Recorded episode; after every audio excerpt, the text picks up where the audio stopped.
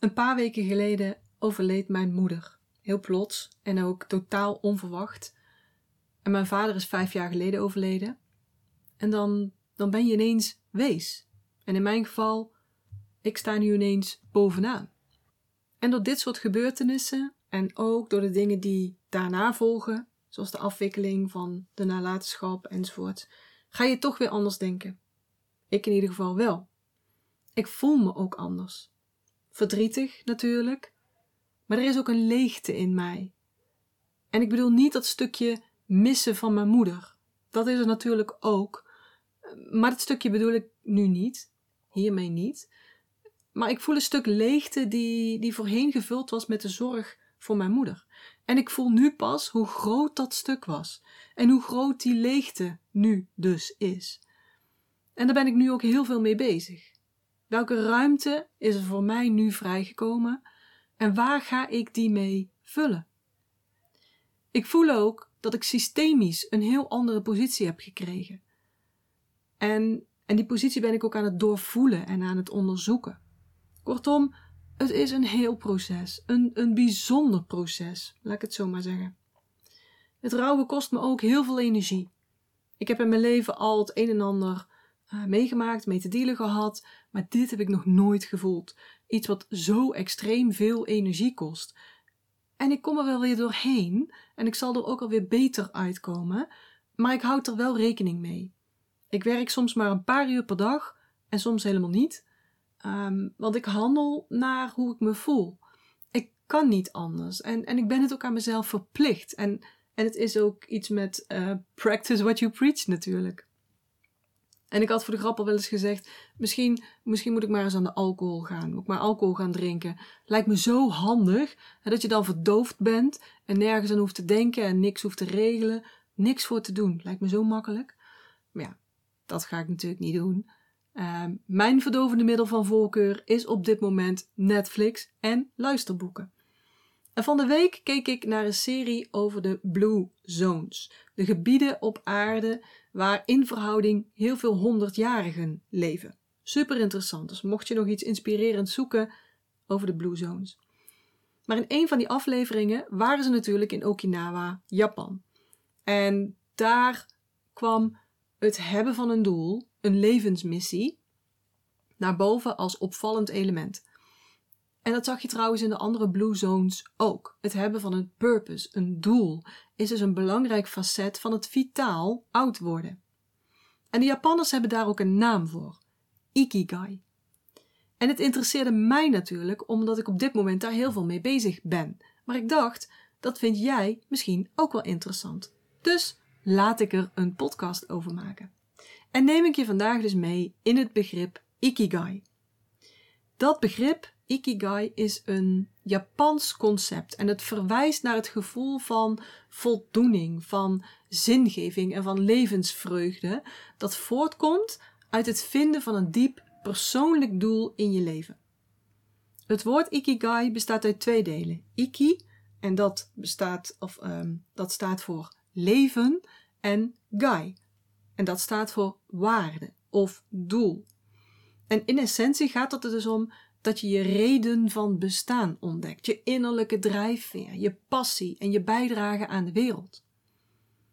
En wanneer je je ikigai ontdekt en, en daarnaar gaat leven, dan zul je veel meer vreugde ervaren en ook veel meer voldoening halen uit alles wat je doet. Het is de reden waarom je s morgens je bed uitkomt. En dus ook je why in het ondernemen. Jouw ikigai is uniek voor jou, is ook uniek voor dit moment, voor deze fase in jouw leven. Dus als ik naar mezelf kijk, ik had natuurlijk al doelen en ik had ook al mijn bestemming helder voor op dit moment. Maar ik voel nu ook dat ik een hele nieuwe fase instap. En dus verandert er mogelijk weer iets in mijn ikigai. Of misschien is het wel zo dat het niet verandert, maar dat ik dus een ander stukje ervan ga zien. Maar goed, die ikigai, die verandert dus met je mee. En daarom is het heel nuttig om er af en toe zo eens naar te kijken. Want misschien is er bij jou ook wel het een en ander veranderd. Dat concept Ikigai dat schijnt al eeuwen te bestaan in Japan en het heeft zich in de loop der tijd ontwikkeld tot een, echt wel belangrijk element van de Japanse levenswijze, levensstijl en ook psychologie. Waarschijnlijk is het ergens ontstaan vanuit filosofische en spirituele tradities uit Japan, zoals het boeddhisme en het shintoïsme, waarin het altijd al heel belangrijk was om, om te filosoferen en na te denken en te voelen over de betekenis en de zin van het leven. En nu heeft het dus een plaats in het alledaagse leven van Japan en ook wel buiten Japan. En wordt Ikigai toegepast op verschillende aspecten van het leven. Dus werk, uh, in relaties, in persoonlijke ontwikkeling. En, en het wordt gezien als een manier om de balans te vinden tussen de eisen van de moderne samenleving op dit moment en het behoud van een dieper gevoel van purpose, van, van doel, van bestemming, van voldoening in je leven. Nou, die ikigai, dus je zou, kunnen zeggen jouw waarom, bestaat uit vier elementen datgene waar je van houdt, datgene waar je goed in bent, dat wat de wereld nodig heeft en dat waarvoor je betaald kunt worden. En daar waar deze vier elementen elkaar overlappen, daar zit jouw persoonlijke ikigai, jouw reden om je bed te komen. En dat is interessant, toch? Dus je zou kunnen zeggen dat dat wat je graag doet, dat dat je passie is dus alle activiteiten, interesses of doelen waar je gepassioneerd over bent en waar je echt van geniet. Iets waar je enthousiast over bent, waar je energie van krijgt. En dan heb je dat waar je goed in bent. Dat zou je je talent kunnen noemen. Dit gaat over de vaardigheden en capaciteiten waar je goed in bent en die je met relatief gemak kunt uitvoeren. En dan hebben we nog dat wat de wereld nodig heeft. Dat zou een stukje van je missie kunnen zijn. En dit gaat over iets bijdragen aan de wereld. Het gaat over anderen helpen, over positieve impact maken, over het vervullen van een behoefte of het oplossen van een probleem dat in een maatschappij of een gemeenschap bestaat. En als laatste is er dat waar je voor betaald kunt worden. En dat zou je kunnen noemen je beroep. Mooi hè, eigenlijk, dat ze dus van oudsher al die financiële component erin hebben zitten. Logisch ook wel, natuurlijk, want je werk beslaat toch een groot deel van je vrije tijd, zou ik zeggen. Ik zeg ook altijd, als je dan werkt, ja, doe dan leuk werk. Daar ben ik echt voor. En dat is ook wat je terugziet in Ikigai. Het impliceert dat je je passie en je talent meeneemt in je beroep en dat je daarmee ook weer financiële stabiliteit creëert of kunt creëren. En je persoonlijke ikigai ontstaat dus in het midden van deze vier elementen. Dus daar waar ze allemaal samenkomen.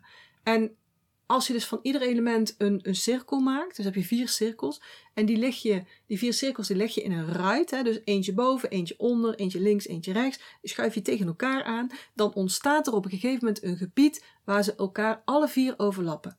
En daar zit je Ikigai. Google maar eens, want dan vind je plaatjes van dit concept en dan kun je hem voor jezelf bijvoorbeeld uittekenen. Dus als je iets doet waar je van houdt en waar je goed in bent, dan ervaar je vreugde en passie. Als je iets doet waarvan je houdt en wat de wereld nodig heeft, dan voel je je voldaan en nuttig. Als je iets doet waarvoor je betaald kunt worden en waar je ook goed in bent, dan ervaar je bekwaamheid en financiële beloning. En als je iets doet dat de wereld nodig heeft en waar jij betaald voor kunt worden, dan vind je een gevoel van betekenis en een gevoel van bijdrage. En het doel is nu om activiteiten, projecten of een levensstijl te vinden die deze vier elementen in evenwicht houden. En wanneer het je lukt om die vier elementen te integreren in wat je doet, zul je een diep gevoel van voldoening gaan ervaren, van zin en van vreugde, van flow en van bubbels. En zoals ik al zei, ikigai is dus niet een stilstaand iets, het is een doorlopend proces. Het is niet iets wat je één keer bepaalt en dan is klaar, hè? kat en bakkie, niks meer aan doen, gewoon volgen. Nee, je ikigai kan in de loop van je leven evolueren. En naarmate jij groeit, naarmate jij verandert, naarmate er om je heen dingen veranderen, Het is dus eigenlijk een doorlopende zoektocht naar balans en, en betekenis. En nou is het ook weer niet zo dat je er iedere dag volledig in staat. En want als dat zo is, moet je echt direct even hulp gaan zoeken. Maar zo één keer in de zoveel tijd is het goed om die Ikigai weer eens onder de loep te nemen. Bijvoorbeeld wanneer je in een heel andere levensfase terecht bent gekomen. Want jouw Ikigai van toen je 20 was, zal echt anders zijn dan die van nu, in je huidige levensfase. Of wanneer er duidelijk een shift in je leven heeft plaatsgevonden, een levenservaring, zoals nu bij mij. Maar het kan ook iets zakelijks zijn, of door een reis die je gemaakt hebt. Of, um, en het kan ook positief zijn, hè? dus het hoeft niet altijd een negatieve ervaring te zijn. Heeft allemaal effect op je ikigai. Of misschien is er in de maatschappij iets veranderd. Want dat verandert mogelijk ook weer jouw visie op jouw ikigai. En veranderingen in de samenleving, in technologie, in economie bijvoorbeeld. Of denk maar eens aan het effect van de afgelopen jaren. Wat heeft dat voor jou gedaan? Hoe sta je er nou anders in? Veranderingen in uh, persoonlijke prioriteiten kan natuurlijk ook. Hè? Want naarmate je ouder wordt, heb je andere prioriteiten. Wat je vroeger belangrijk vond, kan nu minder relevant zijn. En er kunnen nieuwe doelen naar voren komen, nieuwe waarden bijvoorbeeld. Um, zelfreflectie, persoonlijke groei heeft natuurlijk ook invloed. Dus naarmate je meer over jezelf leert en groeit als persoon, kun je je bewust worden van nieuwe passies, nieuwe talenten, nieuwe doelen. Die je misschien eerder nog niet gezien had, niet herkend had. dus zelfontdekking kan ook leiden tot, tot verandering in je ikigai. Dus het is heel belangrijk om open te staan voor de mogelijkheid dat je ikigai kan veranderen. En om actief bezig te blijven met zelfreflectie en met groei. En ikigai dus te zien als een doorlopend, evoluerend proces. Nou, misschien ben jij je al heel bewust van je ikigai. Of misschien voelt het voor jou nog niet zo stabiel. Of is je ikigai aan een update toe. Plan dan eens een uurtje voor jezelf. Om eens te reflecteren op die vier elementen. Wat vind ik leuk? Waar hou ik van? Waar ben ik goed in? En wat heeft de wereld nu nodig wat ik zou kunnen bieden? En waarvoor zou ik betaald kunnen krijgen? En teken dan dat Ikigai-diagram eens uit op papier. dus teken voor ieder van dat element een cirkel en neem nou, 10 tot 15 minuten per cirkel om die vragen te beantwoorden en je meest krachtige ideeën op te schrijven. En als je dat hebt gedaan, kijk dan eens uh, hoe datgene wat je hebt opgeschreven elkaar overlapt. Dus tussen twee cirkels bijvoorbeeld en uiteindelijk ook tussen alle vier de cirkels. En schrijf dan eens één zin op. Beschrijf in één zin wat die overlap is. En dat hoeft niet netjes, hè? hoeft niet grammaticaal verantwoord te zijn. Als het voor jou maar gewoon een zin is die omvat wat ja, die overlap voor jou is, die ikigai. Misschien moet ik er wel een uh, korte training van maken, zit ik net te denken. Maar goed, voor nu kan je zelf aan de gang met zo'n reflectiemoment om je ikigai te vinden of te toetsen, te updaten. En die zin die je dan nu hebt, ga daar eens op reflecteren. Bespreek die eens met mensen waarmee je op één lijn zit. Want je moet niet alles met iedereen bespreken, is nooit zo slim. Maar mensen die je vertrouwt, waarmee je op één lijn zit, bespreek dat eens. En, en bedenk dan ook eens hoe je huidige leven, je huidige werk aansluit bij die ikigai. Of het überhaupt aansluit. Heel nauw aansluit of, of hè, dat er nog ruimte is voor verbetering. Want als je merkt dat die ikigai en jouw huidige leven, je huidige werk niet zo goed op elkaar zijn afgestemd, beloof jezelf dan eens om er iets aan te doen. En daag jezelf dan nu uit, of wanneer je die oefening hebt gedaan, om meteen een kleine, dappere stap te zetten. Bedenk dan meteen wat je die dag nog kunt doen om meer te gaan leven en meer te gaan werken vanuit je ikigai. Nou, lieve mensen, veel plezier met deze oefening en graag tot de volgende keer hier in de Master Your Energy podcast.